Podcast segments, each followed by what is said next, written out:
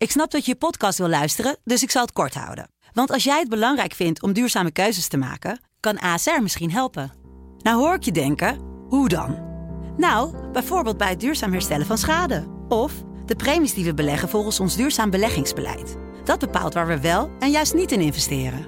Wil je meer weten over welke duurzame keuzes ASR maakt? Ga dan naar asr.nl slash duurzame keuzes. ASR doet het. Zo, dan kan je nu lekker naar je podcast luisteren. Deze podcast wordt mede mogelijk gemaakt door BNP Paribas Markets. Inspiratie, educatie en producten voor actieve beleggers. Dit is Kwestie van Centen, een podcast van de Financiële Telegraaf. Met Martin Visser en Herman Stam. Hartelijk uh, welkom allemaal. Ik uh, verheug me erg op deze podcast. We hebben heel lang over uh, corona gesproken, maar nu komen we bij een onderwerp wat mij ook naar aan het, aan het hart ligt. de Amerikaanse verkiezingen. Want het, gaat bijna, eh, het is bijna zover. En daarom is ook eh, Dorinde Meuselaar hier in de studio. Onze Brexit-expert, maar ook uh, expert op dit soort gebieden. Precies. Als het maar over het buitenland gaat en economie, dan, dan ben ik het. Nou, fijn dat je er bent. het is inderdaad al om de hoek. Vind je dat er eigenlijk weinig aandacht voor is nu door al het corona-gedoe? Dat we het te weinig over de Amerikaanse verkiezingen hebben? Nou, ik zou zeker niet zeggen te weinig. Ik bedoel, uh, wij hebben een hele eigen podcastserie erover zelfs. Al een aantal keer over geschreven. En dat zie ik in andere media ook wel. Maar het zijn wel heel andere verkiezingen. Waar je normaal natuurlijk naar al die kon. Uh, waar je gewoon ja, op straat mensen kon, uh, kon, kon spreken. Gaat het nu allemaal heel anders. Dat zie je bijvoorbeeld ook in die verkiezingsdebatten. na het eerste debat kreeg, kreeg president Trump corona. Nou, toen, toen ging het ook allemaal anders. Dus ik zou niet zeggen uh, minder aandacht, maar wel uh, op een andere manier. En ja, ik kom toch ook weer even op corona, Herman. Sorry ervoor. Maar ja, dat is natuurlijk ook wel heel erg van invloed over uh, hoe er nu tegen het, tegen het beleid aangekeken wordt. Betere aandacht zou ik zeggen. Ja, wat Martin, ik had voor jou eigenlijk ik had er een paar korte stellingjes even net opgeschreven. Maar ik heb met jou hier namelijk ook vaker over gehad. Jij vindt het meestal overdreven. En dan denk je van, nou, waarom kijken we niet vaker naar Duitsland? En waarom zijn we al een jaar bezig met dat hele circus ja, rondom precies. Amerika? Uh, geven we te veel aandacht of niet? Nou, nu dus niet, maar normaal gesproken wel. Ja, nou, dat komt omdat uh, er zijn relatief veel journalisten helemaal gek op de Amerikaanse politiek. En dat mag allemaal als hobby. Je kijkt uh, ons nu allebei heel ja, nee, nee, nee, ja, ik kijk jou toevallig aan, maar eigenlijk moet ik helemaal aankijken. Oh, ja, maar goed, maar die was correspondent, bedoel, dan is het natuurlijk logisch. Ik bedoel, dan worden we ervoor betaald om er alles over te schrijven. Maar dat zie je natuurlijk wel, dat de, de aandacht vaak buitenproportioneel is. Kijk, en natuurlijk, de, de vraag van wie zit er straks in het Witte Huis is natuurlijk ongelooflijk belangrijk. Dus daar doe ik helemaal niks aan af. Maar het gaat me vooral om dat enorme voortraject dat heel lang is. En dan ja, op een gegeven moment, bij andere verkiezingen werd ik een beetje zat van dat we weer de zoveel expert ging uitleggen hoe het ook alweer werkt met die kiesman en die swing states. En ik, ja, Weet je dat inmiddels wel dan, hoe dat uh, werkt? Nou ja, in, in, hele grote lijnen. Maar uh, daar verdiep ik me ook helemaal niet per se specifiek in. Ik bedoel, ik vind het veel relevanter inderdaad. Uh, bedoel, en, en, daar gaat het dus nu wel over. Van de, de coronacrisis, hoe gaan ze dat al dan niet oplossen? Wat betekent dit voor de relatie met Europa, voor de relatie met China? Uh, dat vind ik veel relevanter dan zo heel specifiek op dat hele Amerikaanse systeem uh, uh, in te gaan. En dat, vond ik wel, dat vind ik vaak wel erg opvallend. En nu heb ik het gevoel dat, er, dat er andere verhoudingen zijn. En ja. um, al moet, moet ik ook wel weer zeggen dat, ik bedoel, we hebben nu ook de Brexit, waar het ook super spannend is. En dan denk ik toch dat heel veel journalisten vaak toch de presidentsverkiezingen in Amerika interessanter vinden dan die ingewikkelde Brexit-onderhandelingen, die natuurlijk eigenlijk misschien ook wel super belangrijk zijn voor de, voor de Europese Unie. Maar ik denk dat de verhouding nu beter is dan, dan die vaak is. Maar goed, dat is mijn persoonlijke ja. smaak en opvatting hierover. Ja, nou, ik weet nog wel vier jaar geleden, dan uh, hop je nu van uh, rally naar rally inderdaad. En uh, ik heb er zelf ook veel, met veel Trump-supporters gesproken. Daarom wil ik ook aan jou vragen, Dorine. Want ik vind het jammer dat je dat nu niet kan controleren. Toen hadden ze heel erg de hoop uh, uh, in de plekken waar zij wonen. Van nou, met Trump gaat er ook echt economisch iets voor mij veranderen. Als je nu zo kijkt, denk je dat er ook echt voor die mensen wat veranderd is? Um, als je dat negen maanden geleden, of nou ja, pak een beetje iets meer dan een half jaar geleden had gevraagd, dan had ik gezegd, nou ja, misschien wel in zekere zin. Dat heeft er namelijk mee te maken dat de Amerikaanse economie al ontzettend lang aan het groeien was, tot aan corona. Um, maar dat, om, om nou te zeggen dat is dankzij Trump, dan zeg ik nee. Uh, want kijk, die economische groei was al heel erg lang uh, ingezet. Hè, na de vorige crisis. Obama heeft enorm moeten puinruimen. Um, En toen is daarna eigenlijk die groeicyclus in, ingezet. En Trump heeft daar nog wel een schepje bovenop gedaan. Hij heeft bijvoorbeeld belastingen verlaagd. Daardoor hadden huis, huishoudens meer te besteden. Dus dat gaf wel een beetje, een beetje extra impuls. Maar het is niet alsof hij nou een game changer is geweest. Uh, daar komen we misschien zo meteen ook nog op. Uh, industrie wil daar heel veel banen terughalen. Ja, dat, dat is niet gebeurd. Hm. We gaan het zo meteen uh, uitgebreid hier verder over hebben. We, hebben. we, gaan ook even inbellen, dat doen we niet zo vaak, met uh, iemand van de Rabobank, Philip Murray. En die heeft een heel rapport geschreven ook over nou, die vergelijkingen tussen Biden en Trump. Ja, Philip, fijn dat je even tijd voor ons hebt. Ehm, kan je eens even aangeven aan ons in het kort wat nou de belangrijkste conclusies uit jouw rapport zijn? Nou, we hebben de programma's van Biden en Trump proberen door te rekenen, zover, voor zover als het mogelijk was. En ja, de belangrijkste conclusie is eigenlijk dat je bij uh, het programma van Biden toch aanmerkelijk meer economische groei ziet dan van Trump. Maar daar staat wel tegenover dat uh, hij ook de staatsschuld wel flink opblaast. En dat is dan zeg maar de afweging die, die je moet maken. En ja, het zit eigenlijk vooral in het feit dat ja, Trump wil eigenlijk vooral de belastingen nog iets verder verlagen. En nog wat meer deregulering doen. Maar verder willen de Republikeinen het ook wel de, de hand op de knip houden. En bij Biden zie je juist dat hij uh, ja, flink wil gaan investeren in onderwijs, in research and development, uh, infrastructuur. En ook de koopkracht wil stimuleren met uh, bijvoorbeeld unemployment benefits. Ja. Dus de klassieke verwijten die Trump ook vaak aan democraten maakt... van jullie geven gewoon veel te veel uit, die, die kloppen dan wel? Ja, dat blijkt wel uit, uit onze berekeningen. Hoewel het wel zo is, natuurlijk in de praktijk zie je dat als het puntje bij paaltje komt, dat Republikeinen er altijd wel meer geld uitgeven dan ze van plan zijn. Hè. Vaak ook aan, aan, eh, aan zaken als defensie. Maar ja, de, de, grote verschillen, als je naar de berekeningen kijkt, uh, zitten daar toch wel vooral in hè, de, de afweging meer groei, maar dan ook, ook meer schuld bij de, bij de Democraten, bij de Republikeinen. Uh, ja, wat minder groei, maar ook wat, minder schuld. Terwijl Biden natuurlijk tegelijkertijd de belasting wil verhogen om een deel van die uitgaven ook te financieren. Dus dat zou een rem kunnen zijn op, op de economische groei, zou je denken. Ja, nou, je ziet dus per saldo uh, ziet dat het vooral uh, de, zeker in de beginjaren het persoonlijk inkomen raakt. Dus gemiddeld houden Amerikanen minder over. Maar op lange termijn zie je dus eigenlijk dat Biden vooral ook investeringen doet in de infrastructuur, in onderwijs, in research and development. Dat uiteindelijk de groei op, op langere termijn eigenlijk verder gaat stijgen dan in het scenario van Trump. Ja. Hoe, kan je, hoe kan je in deze doorberekening ook van die plannen, hoe kan je er ook, want Amerika is een behoorlijk onrustig land al een aantal jaar, misschien, misschien nog wel langer, waarin het politiek ook heel verdeeld is. Hoe kan je er nou rekening mee houden dat die plannen ook echt uh, doorgaan dan van Biden met een uh, senaat en een huis van afgevaardigden dat dan ook weer hele andere meningen erover heeft misschien? Ja, dat is natuurlijk een beetje het probleem. Hè. In, in, realiteit uh, is de kans klein dat deze plannen echt gerealiseerd gaan worden. Want hij heeft daarvoor echt de meerderheid in het congres nodig. En op dit moment hebben de Democraten een meerderheid in het Huis van Afgevaardigden. Maar dan zouden ze ook de Senaat moeten winnen. En dan nog is het de vraag of, of ze ook iedereen uh, mee gaan krijgen. Maar, maar mocht er een, uh, zeg een grote meerderheid zijn in zowel de Senaat als in het Huis van Afgevaardigden. En mocht Biden president worden, ja, dan zouden de Democraten hun plannen kunnen uitvoeren. en dan zou je inderdaad dit soort maatregelen realiteit kunnen zien worden. Ja. Als je zulke rapporten opstelt, dan kijk je ook denk ik wel eh, naar het verleden. Als je, als je iets uit zou moeten lichten van dat heeft Trump nou economisch heel goed gedaan in die afgelopen vier jaar. Wat zou je dan pakken? Nou, ik denk, eh, eh, het beste wat hij heeft gedaan, dat is denk ik eigenlijk moeilijk in cijfers uit te drukken. En dat is, was voor ons ook een probleem in de doorrekeningen. Namelijk de effecten van deregulering. En want daar zag je natuurlijk wel, als je naar bijvoorbeeld enquêteresultaten kijkt, dat zeker het midden- en kleinbedrijf in Amerika in de Obama-jaren heel veel last had van de enorme toename aan, aan regelgeving. Nou, dat is uh, flink afgenomen onder Trump. Alleen het probleem is dat je dat heel moeilijk in een, in een economisch model kan, kan zetten. Maar dat zijn denk ik uiteindelijk wel, hè, die deregulering is denk ik eigenlijk het meest positieve aspect van Trumps beleid. Want die belastingverlagingen waren eigenlijk niet nodig en op het verkeerde moment. En ja, zijn handelsoorlogen die hebben ja, toch ook voor een deel averechts gewerkt. Ja, helder. Uh, dankjewel, Filip, uh, voor je reactie. Graag gedaan. Dorinde, je hoort Filip nu net uh, praten. Vind je hier in Nederland het sentiment, het is heel erg uh, verdeeld voor of tegen Trump. Je schijnt bijna niet -hmm. gewoon een normale of een wat meer objectieve mening. Midden. Ja, precies. Ehm, zo'n tijd leven nou eenmaal. Maar als je dan ook hoort hè, van de positieve punten die Trump ook volgens Philip dan heeft bereikt. Wordt dat wel genoeg belicht ook hier in Nederlandse media? Mm, ja, um, er wordt wel heel sterk vanuit een bepaalde blik geschreven.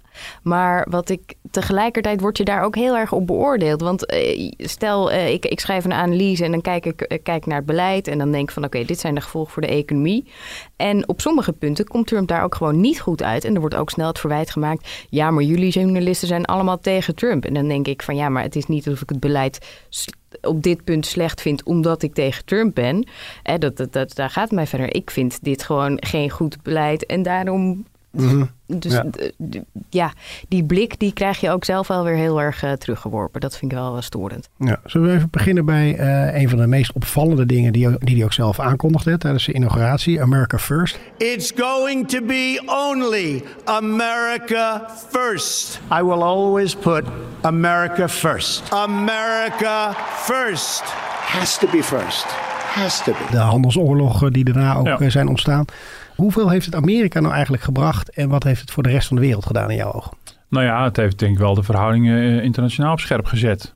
En ehm, ja, aan de ene kant kan je zeggen America first, misschien een beetje obligaat. Want wie zegt nou America second? Ik bedoel, dat is, Mhm. ik bedoel, dat is- aan de ene kant is het nogal, nogal logisch. Nogal Oh, de dus. Netherlands was second, Ja. toch? Ja, In dat dat- was uiteindelijk in dat second. Precies, ja. filmpje. Ja. Ja, dus in die zin vond ik dat helemaal vanuit de optiek van Trump helemaal niet zo heel erg onlogisch. Ehm, eh, eh, het is de vraag of het economisch heel veel heeft gebracht. Ehm, ik denk dat een aantal dingen wat het wel heeft gebracht is dat eh, Europa was ook heel lang. In, het gaat vooral met name over China, ook wel over Europa, maar het gaat met name natuurlijk over China. Eh, waar eh, Trump natuurlijk heel erg op ingezet heeft. eh, toch de angst dat ze voorbij bij, bijgestreefd gaan worden in, in, in technologische kracht in de wereld door China. Eh, en tegelijkertijd China die de handelspraktijk op nahoudt waar, je, waar hij zich tegen wilde verzetten. De Europese Unie deed dat ook al een hele tijd, maar langs de officiële weg. En dat duurde een oeverloos lang, heel diplomatiek. En ook onder eerdere Ja. Amerikaanse presidenten, hè, met Obama en Bush, die probeerden dat ook, maar dan Ja. meer diplomatiek. En toen zei Trump, ja, dat werkt gewoon Nee, niet. doen precies. En in die zin is, is dat natuurlijk wel versneld. Of dat meteen tot resultaat heeft geleid, dat is natuurlijk, dat is natuurlijk wel de vraag. Ehm, ehm, maar het is natuurlijk wel, ik denk wel dat in Europa, bedoel, het zelfbewustzijn is enorm toegenomen. Ehm, en dan eh, vanuit eh, Europa men natuurlijk ook nu wel, wel ziet, ja, daar moet echt iets aan gebeuren aan, aan handelspraktijken van China.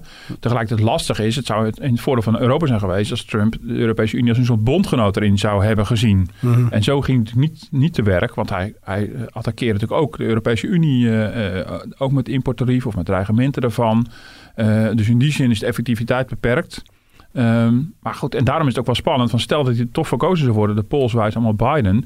Ben ik ook wel benieuwd hoe die dat gaat, ver- eh, hoe die dat gaat vervolgen. Of dat een bepaald vervolg krijgt, ja of nee. Ja. Eh, maar ik vind het dus niet eh, overal eh, slecht of iets dergelijks. Al, al was de toon en de manier waarop totaal ongebruikelijk in het diplomatieke verkeer. Ja. En eh, wat, wat wel misschien een onbedoeld nadeel was van, eh, van dat beleid, is dat hij China ook weer een kans gaf om zich te presenteren van ja, maar wij gaan wel voor vrijhandel en wij zijn wel eh, op zoek naar internationale samenwerking. Maar de je ziet nieuwe ook wereldleiders ja, eigenlijk. Die ze- precies. ja.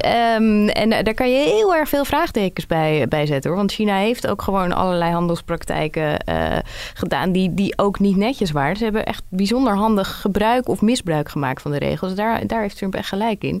Maar ja, ze, ze gaven China daarmee wel een, een andere rol. En ja, dat, dat zie je ook gelijk, dat de Chinezen daar ook wel op inspringen. En wat natuurlijk wel het lastige is, is goed, nou, daarin heb je natuurlijk veel geschreven, is de, de WTO, de Wereldhandelsorganisatie.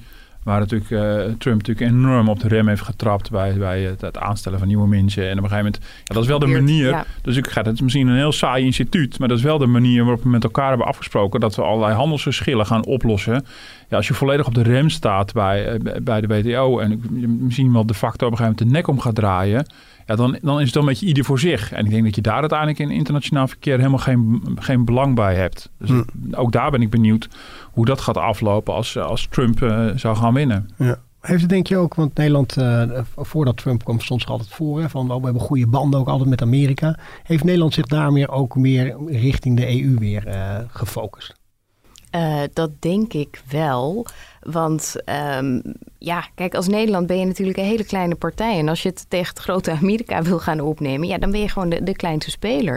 Ik denk dat het buitengewoon onverstandig is als Nederland met de VS eh in, zijn uppie aan tafel gaat zitten om een handelsverdrag te sluiten. Want dan, ja, dan walst de VS gewoon over ons heen. Dus ik denk dat het daarom wel heel verstandig is om, om in ieder geval economisch gezien met de EU op te blijven trekken. Ik, ik noemde net al die rol van China. Die zijn heel erg bezig, ook economisch, een hele, hele belangrijke speler te worden, ook over de grens. Ze kopen allerlei havens op, uh, bouwen spoorlijnen. Echt, dat zie je in de randen van Oost-Europa, zie je dat echt al uh, gebeuren. Italië heeft zich erbij aangesloten.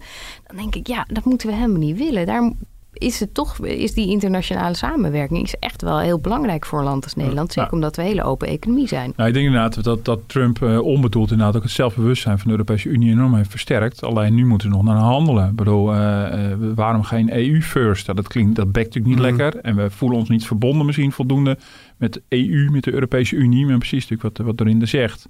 Ehm, wat een Europese Unie toelaat aan, aan de invloedssfeer van, van, vanuit China dat is precies wat Trump nu probeert te bestrijden. En dat doet hij misschien op een hele bouwde manier. Die vooral voor journalisten heel erg leuk en spannend is. Mhm. Ehm, maar ja, misschien kan je er ook wel iets van leren. De, en ik denk dat de Europese Unie dankzij Trump zich toch nog meer gerealiseerd heeft. Van, oh ja, uiteindelijk gaat het dus om die drie blokken.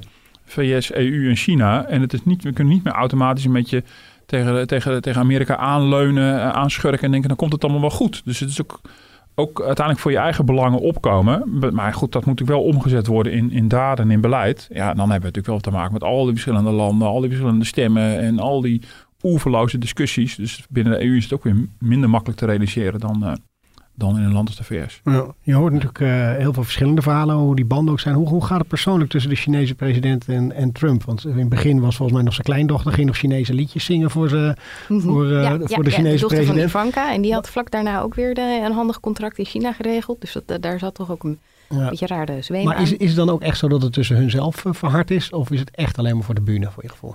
Um, ja, dat is een heel groot deel is voor de bühne. Want je ziet op het moment dat er uh, onderhandelingen zijn en op het moment dat er een akkoord wordt gesloten, zie je Trump ook zeggen van hé, maar we zijn hele goede vrienden. We kunnen heel goed door één deur. Um, maar de Chinezen, ja, dat is ook lastig te zeggen hoe die erin staan. Maar ik weet wel dat die, althans, het, idee is wel dat die liever Trump hebben dan Biden mm. uh, als, als, als president vanaf, uh, vanaf volgend jaar. Want uh, ja, met Trump, hij is natuurlijk heel onbesuisd, kan van alles heel hard roepen. Maar ja, ze hebben inmiddels wel wat ervaring met hem. hij heeft en ook de mogelijkheid gegeven om een andere rol te gaan spelen op het wereldtoneel. China is er ook zelf bewuster van geworden. En Biden, die heeft toch een ander, ander handelsbeleid uh, voor ogen. En die zou daar veel meer weer die samenwerking met de EU uh, eh, gaan, gaan zoeken. En daar heeft, heeft China helemaal geen trek in. toch hoor je wel overal, lees je in alle analyses, dat van Biden wordt verwacht dat zijn beleid ten aanzien van China eigenlijk min of meer hetzelfde zijn als van Trump. Ja. Alleen hij zegt dat misschien wat vriendelijker. Ja, nou ja, want de, Trump zegt wel van nou ja, een stem op Biden is een stem voor China. Dat is helemaal niet waar. If Biden wins, China wins. Joe Biden's agenda is made in China. My agenda is made in America. Trump heeft heel veel uh, importtarieven op, uh, op China uh, geheven. Nou, die blijven onder Biden waarschijnlijk ook gewoon staan.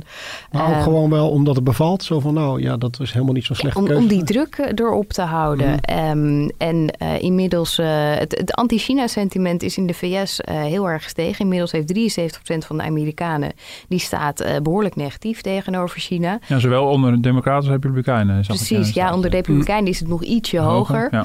Um, maar Biden die gaat ook helemaal niet. Uh, die, die handschoenen gaan voor Biden ook uit hoor, als het op China aankomt. Maar wel interessant is weer de investeringsmogelijkheden voor Europese bedrijven. Uh, dat Biden, maar dat hoorde natuurlijk Philip Marijn net ook uh, zeggen. Biden heeft ook allemaal enorme investeringsplannen. Dat gaat in de duizenden miljarden. Um, en dan is toch de verwachting. dat, dat daar wel de deur open gaat uit voor Europese bedrijven om ook te, te gaan investeren in Amerika. Terwijl Trump natuurlijk heel duidelijk probeert zijn eigen bedrijven naar voren te, naar voren te schuiven.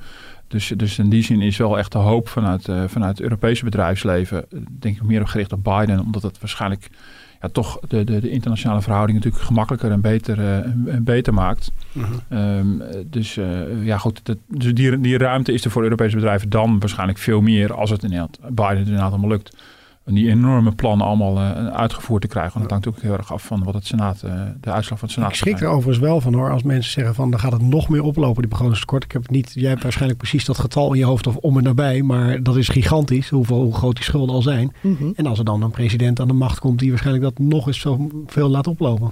Nou, dat vind ik inderdaad ook best opvallend uit, uh, een opvallende conclusie uit dat rapport van Rabobank. Um, want ook onder Trump is de, is de staatsschuld in ieder geval echt al gigantisch opgelopen. En dan heb ik het over het pre-corona-tijdperk. Toen zat hij al boven de 100 procent. Inmiddels is dat zo, nou, richting de 130 procent als uh, percentage van de Amerikaanse economie. Dus het gaat echt heel hard. En ja, als reactie op die coronacrisis is dat ook heel logisch. Maar ook onder Trump is, um, is, is dat echt op het hoogste niveau sinds, uh, sinds de Vietnamoorlog. Dus mm -hmm. ja, de, de Philip gaf net ook al aan van ja, die belastingverlaging die kwam op het verkeerde moment. Want de economie groeide al. Dus zo'n zo'n stimulans was helemaal niet nodig. Maar het heeft er wel voor gezorgd dat de Amerikaanse overheid veel minder inkomsten heeft. Dus meer moet gaan lenen. Op dit moment is dat nog niet echt een issue. De rente is ongelooflijk laag. Uh, de VS kan zich heel gemakkelijk financieren.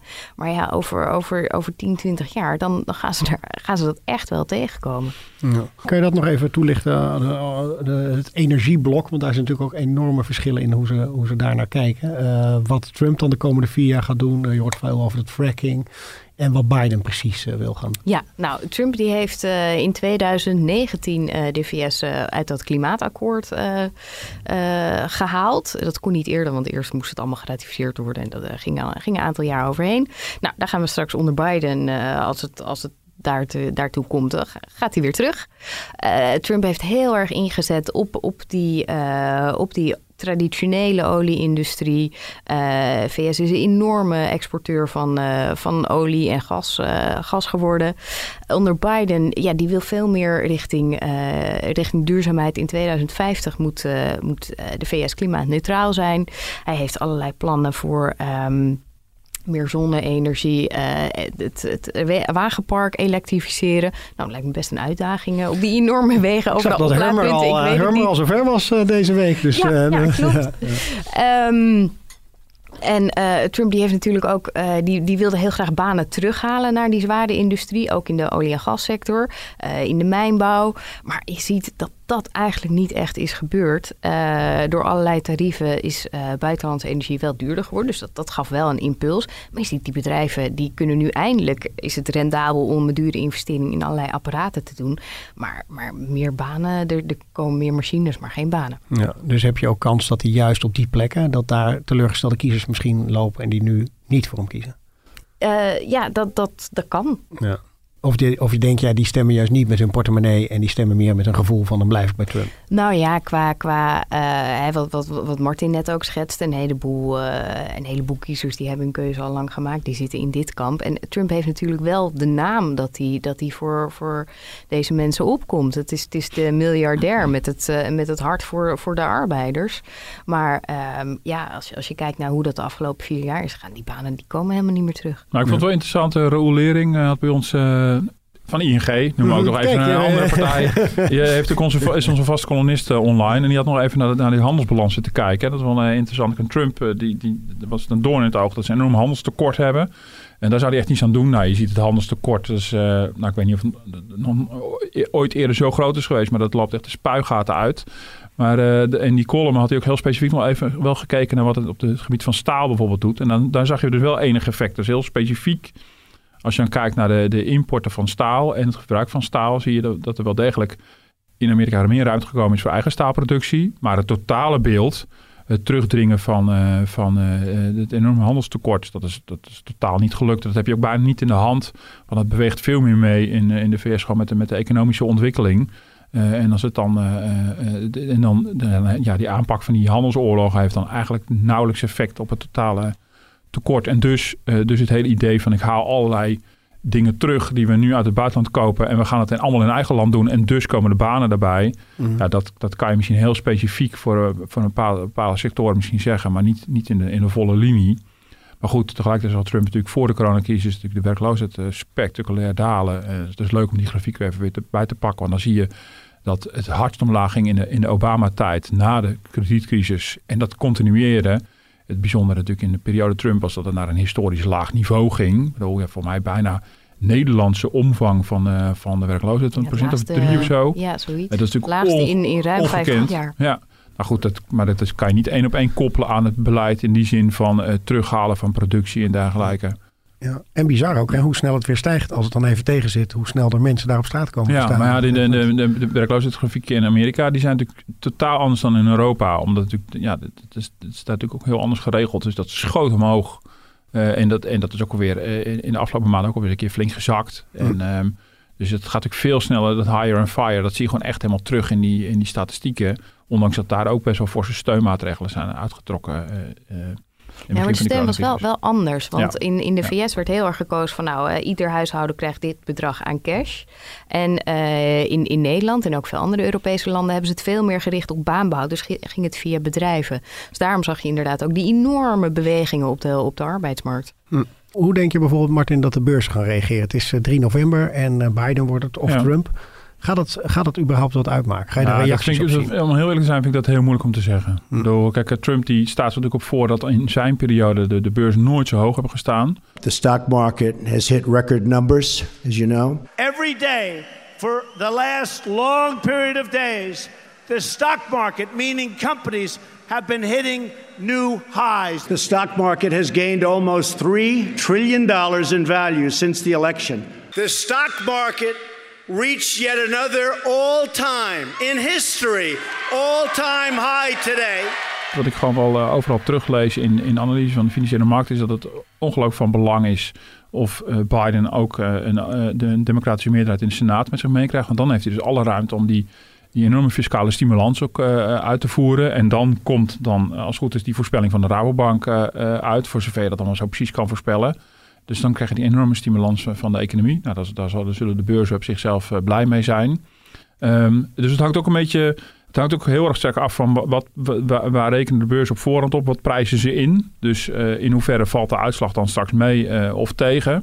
En nu, nu uh, prijzen ze vooral in dat Biden het wint. Dat omdat Biden hij zo voort, maar ja, en dan vragen ze even zo vlak tegen het moment zelf aan of ze ook in gaan prijzen dat er een enorme blue wave gaat komen, zoals ze dan, dan noemen. Maar je mm ziet wel ook zakenbanken, Goldman Sachs is ook wel heel positief over de, de impact die Biden kan hebben. Dus die verwachten wel dat het ook voor de financiële markten gunstig zal zijn. Maar om nou precies te voorspellen van nou, dit wordt de reactie op de beurzen exact de dag na de eh, uitkomst, de uitslag, dat vind ik wel een beetje tricky. Nou ja, en je ziet ook dat beleggers niet eens meer heel erg een voorkeur hebben voor, voor Trump of Biden. Een aantal maanden geleden lag het nog wat anders. Want toen kwam Biden met uh, die aankondiging van belastingverhogingen. Voor de hoogste inkomens, voor bedrijven. Nou, daar, daar schrokken bedrijven natuurlijk van. Die vinden dat helemaal niet leuk. Beleggers ook niet. Maar um, ja, inmiddels is ook wel het besef gekomen in het kamp van Biden. Dat ja, voorlopig gaan ze dat natuurlijk helemaal niet doen. Want die economie ligt op schat. Die moet eerst weer uit, uh, uit de crisis geholpen worden. Dus nou, dat, dat was veroorzaakte wel een, een geruststelling op de beurs. En het echte worst case scenario. Dat zou zijn als er gewoon een hele. als, als die verkiezingsuitslag heel dicht bij elkaar ligt. Want Trump heeft al een uh, aantal keer erop gehind van nou. Als, uh, dat, dat de verkiezingen misschien niet eerlijk zouden verlopen. Hij uh, maakt heel veel. Um, hij maakt zich heel erg zorgen, zegt hij, over het stemmen per post. Nou ja, en als je dan een. De, ja, als, als, dan, als hij dan straks de verkiezingsuitslag in twijfel gaat trekken. Ja, dan kom je in een, in een soort, soort vacuüm. En ja, dat brengt heel veel onzekerheid met zich mee. En daar heeft de beurs uh, absoluut geen trek in. Ja. Is, is het eigenlijk, want uh, bij, bij veel verkiezingen wordt dan gezegd hè, van uh, it's the economy, stupid, en uh, dat het daar vooral over moet gaan. Is het de, gaan deze verkiezingen eigenlijk wel vooral over economie? Nou, dat vind ik wel lastig. Ook, toevallig ook, ook van de week, weer, weer Rabobank. Het moet geen reclame, moet geen reclame worden. Maar die hebben dat onderzocht. Die hebben het zelfs voor de vorige verkiezingen onderzocht. En die komen erop uit. Het leek toen ook om de economie te gaan. Maar die, die, die zijn heel erg ingegaan op... Um, uh, op um, uh, de enorme verdeeldheid in de VS. Nou, dat zien we in heel veel landen met de VS natuurlijk bij uitstek. En uiteindelijk gaat het bij die verkiezingen in toenemende mate heel erg over de identiteit van kiezers die steeds meer in een bepaalde hoek zitten qua identiteit. En gaat het over veel andere dingen dan, dan uit, uit, uiteindelijk de economie. Ik bedoel, mm -hmm. dat zeggen ze zelfs over die vorige verkiezingen, waarbij we allemaal dachten dat de blue collars allemaal op uh, Trump gingen stemmen in de hoop dat de staalindustrie weer zou herleven.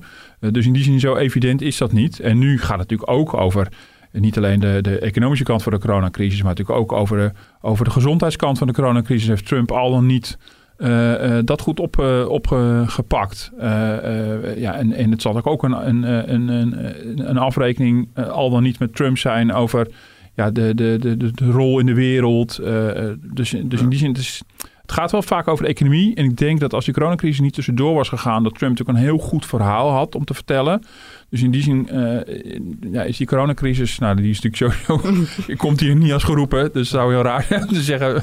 Maar, maar de, komt die voor Trump echt onwaarschijnlijk slecht uit. Omdat zijn hele verkiezingsverhaal en retoriek natuurlijk totaal anders zijn dan zonder die uh, coronacrisis. Nou, je ziet ook, toevallig las ik net vanochtend nog een, uh, nog een peiling waarin sinds de coronacrisis ook meer kiezers zeggen van dat het economisch beleid van Trump de economie schade heeft toegebracht. Terwijl dat voor de coronacrisis was er juist een meerderheid die zei van nee, het was, was hartstikke goed. En wat jij zegt, Martin, heel veel kiezers hebben inderdaad al, het gaat veel meer over identiteit. En heel veel zitten al in een, in een, in een bepaald kamp. Het is echt maar een heel laag percentage zwevende kiezers. Nou, en dan ook nog met al die kiesmannen. Dus dan gaat het ook maar over een klein aantal staten. Dus uh, ja, er wordt ook gezegd, nou ja, als Florida naar Biden gaat, dan kan Trump het wel op zijn buik schrijven. Ja, ja. Um, Toch nog even de kiesmannen erin ja, ja, ja, goed. Martin ja, zit al op puntje van zijn stoel. maar, maar vinden jullie niet, als je dan die debatten kijkt, dat je, het is één groot uh, gekakeel. Maar eigenlijk, weet je, ik ben heel blij dat we het hier nu bespreken. Maar dat het ook veel meer uitgelegd moet worden. Wat wil je nou met die economie? Want het zijn allemaal ja, soundbites. Nou, in die zin is het natuurlijk totaal anders dan wat we in Nederland gewend zijn. En daar moet ik dan eerlijk gezegd ook wel erg aan, aan wennen. Ja, doorheen dat heel veel internationale economie. Ik doe best wel veel Nederlandse economie. In Nederland zijn we natuurlijk gewend dat de, de verkiezingsprogramma's die moeten tot de, achter de komma worden doorgerekend door het Centraal Planbureau. Uh, en, en alles wat het, het, Centraal Planbureau niet kan doorrekenen, dat vragen dan bij de partij op. En wat bedoel je hier nou precies mee? En dan komen soms ook heel onaangename plannen daardoor aan het licht. Ja, en hier, ja, ik vind het knap dat je een analyse kan maken op basis van de plannen van Trump en Biden. Maar die zijn natuurlijk nog behoorlijk globaal. Uh, van Trump al helemaal. Dat wordt ook wel. Dit, dit, en niet doorgerekend. In het stuk van Philip Marij ook wel gezegd van uh, ja, van Trump zijn we maar uitgegaan met de begrotingsplannen die, uh, die er inmiddels liggen. Maar een, een echt concrete economische agenda ligt er eigenlijk niet. Ja, dat is zo totaal anders. En dan komt ook nog eens een keer bij dat je af moet wachten wat, wat er na de verkiezingen uiteindelijk ook echt doorgevoerd wordt. Dat hangt natuurlijk van de, de, de precieze verhoudingen dan straks in het congres ook af. Maar ook, ja, ook het, ja, eh, ja, het, is, het wordt niet in, in, in beton gegoten. Dus bij onze regeerakkoord en vier coalitiepartijen die zich aan elkaar vasthouden. Van, uh, Maar het staat wel achter die komma, dit moet je wel uitvoeren. En, uh, want dan hebben we een Kamermeerderheid. Ja, dat werkt totaal anders. In die zin zie je de grote lijn, je ziet de toon, je ziet de opstelling. Um, ja, dat maakt het ook wel veel lastiger om, om precies te voorspellen uh, hoe of wat. En kijk ook naar Trump. Ik bedoel, uh, van tevoren waren natuurlijk heel veel mensen uh, toch wel benauwd van oei, wat gaat die man uh, allemaal teweeg brengen. Ja. En hij heeft natuurlijk op het een hele. der tijden werd voorspeld. Ja, hij heeft ook op een hele onconventionele manier geopereerd. Um, maar uiteindelijk, de, de, de, beleggers waren blij. Uh, heel veel bedrijven uh, waren uiteindelijk ook best wel blij. En uh, ja, misschien dat hij niet de goede economie op zijn konto kan schrijven. Maar de vraag is wel of het ja, echt een slecht is voor de economie. Een deel daarvan is natuurlijk ook vanwege de centrale bank, het internationale economisch klimaat. Uh, kijk, de, de, de, Amerikaanse economie ligt, de, ligt nu uh, ja, hangt nu in de touwen. Is dat de schuld van Trump? Nee, is door corona. Dus het is ook heel lastig te zeggen van hoeveel je daarvan nou op een economisch beleid van, van één president kunt schrijven. Maar ja, weet je, we hebben wel genoeg aanknopingspunten. Wat, wat de belastingplannen zijn, wat plannen zijn met de zorg, um, uh, infrastructuur. Beide kandidaten willen heel veel gaan investeren in de infrastructuur. Al riep Trump dat vier jaar geleden ook al. Ja, ja nou dat vind ik heel opvallend dat dat nooit is gebeurd. Want toen wilde hij al uh, duizend miljard uh, in Amerikaanse infrastructuur gaan investeren. Inmiddels heeft hij dat verdubbeld. Ja, ik ben heel benieuwd wat hij daarmee gaat doen. Want dat, mm ja, dat, dat zou juist echt de economie uh, duurzaam kunnen verbeteren. En ook het, ja, de verdienpotentie ook kunnen vergroten. Want het en is ook heel zichtbaar natuurlijk. Boos. Dat is ook heel zichtbaar voor mensen natuurlijk als je dat doet. Uh, weet je wat, bruggen, viaducten, ja. wegen. En, de gemiddelde Amerikaanse brug is 43 jaar oud. Dus ja, ik wou net zeggen, een, je weet het allemaal als je een rondje langs New York hebt gereden op die wegen daar. Dan kan je nieuwe schokbrekers gaan ja, halen. Bedoel, in Nederland weten we dat ook met de VVD. was natuurlijk voor de 130 kilometer. Nou, het is allemaal een beetje anders gelopen. Maar aanvankelijk waren ze natuurlijk heel blij dat een VVD-minister zo'n bordje met 130 langs de weg kan zetten. Dat is een hele een zichtbare manier. En dan heb je nog niks, niks aan die weg gedaan. Bedoel, mm -hmm, ja. Maar dat zijn hele zichtbare manieren om, om als politicus uh, te laten zien wat je voor je kiezers uh, uh, doet. Maar goed, Biden wil ook infrastructuur, maar dat moet dan allemaal weer groen zijn. En, en en klimaatvriendelijk. En uh, dat, is, dat is ook nog een aspect. Daar ben ik ook heel benieuwd naar. Trump heeft natuurlijk wel uh, het klimaatakkoord opgezet. En Biden kiest echt een totale andere afslag. Ja, die, die wilde weer, weer in terug. Ja, dus dat is ook wel ongelooflijk van, uh, van belang. Dus in die zin staat er echt wel, echt wel iets op het spel. Ik bedoel, hun plannen zijn grote lijnen bekend. Maar die grote lijnen wijken op een aantal punten echt enorm, enorm af. Wat denken jullie eigenlijk? had Trump het gered als de hele coronacrisis niet voorbij was gekomen? Het was wel een stuk makkelijker geweest voor hem. Ja. Ja, dat, dat, dat, voorspe- ja, dat kunnen we natuurlijk heel makkelijk voorspellen. Want die coronacrisis is er nu eenmaal. Het is een Dus, eh, inleiding eigenlijk naar bijvoorbeeld mijn laatste vraag. En de Nou ja, ik heb- voorspelling. ik heb- je zit nu in, in die, in die po- polls, dan gaan we het toch over swing states en zo hebben. Voor, Ja, voor ja, zover ja. ik daar eh, verstand van heb. Nee, kijk, ik bedoel, eh, de, de, de- een aantal staten waar het echt om draait, daar staat Biden nu allemaal voor in de peilingen. Maar het En- schijnt ook wel weer te slinken. Die, eh, Ja, en, maar ik kan me heel goed voorstellen als die coronacrisis niet was geweest, dat dat, dat dat veel spannender was geweest. Dat zou, me, dat zou me helemaal niks verbazen. Ik heb er steeds rekening mee gehouden. Die man wordt gewoon weer herverkozen. Ik bedoel, eh, wij vinden hem in Europa vinden hem misschien een rare snuiter. Maar voor een heel groot deel van de Amerikanen spreekt dat enorm aan. En toen spraken alle economische cijfers ook in zijn voordeel. Ja, dat is natuurlijk nu anders geworden. En dat kan hij niet meer repareren voor 3 november. Nee, nee dat, eh, we hebben nog twee weken te gaan. Dat, eh, dat, Maar dat goed, gaat eh, maar, maar een, een voorspelling van de uitslag, ik weet niet of je daarop gaat eindigen. dat was, eh, ja, ja. oh ja. Maar die ga ik dus absoluut niet doen. Ik, bedoel, eh, ik denk dat we, ik mag hopen dat we na de vorige Amerikaanse verkiezingen en aan de Brexit-referendum wel een beetje afgeleerd hebben om te denken van, oh, Biden staat voor in de polls, dus wordt het wel Biden. Ik, bedoel, eh, ik, ik ga me daar niet aan wagen. Oh, ja, dan durf ik het ook niet meer aan Dorinde te vragen eigenlijk. Ehm, houdt nou, ik, ja, ik ga ook niet zeggen van deze, deze kandidaat gaat winnen. Ehm, ook omdat, eh, omdat Trump, die heeft natuurlijk een hele toegewijde achterban. Dat zijn mensen die echt veel gaan stemmen. En ja, ehm, die polls die, die wijzen misschien op Biden. Maar ja, die mensen moeten natuurlijk nog wel, eh, wel naar de stembus gaan. Dus dat is nog wel, eh, wel een belangrijke factor. En ehm, ja, statistisch gezien is, zijn, is de Amerikaanse zittende president veel vaker herkozen dan, dan niet gekozen. Dus dat is ook nog wel een voordeel. Dus ik, ehm, ja, dit is nog geen gelopen race. Zeg ik Nee, die, de kwaliteit van die polls zijn, schijnen wel verbeterd te zijn. Hè? Ik bedoel, eh, de, de, de laag opgeleide kiezer was ondervertegenwoordigd in die polls. En dat hebben ze nu wel weer rechtgetrokken. En eh, het schijnt ook wel inderdaad dat, dat in, in de peilingen nou, de, de, de voorsprong eh, van, van Biden in een aantal staten wel dusdanig is dat ze wat zekerder over zijn. Mhm.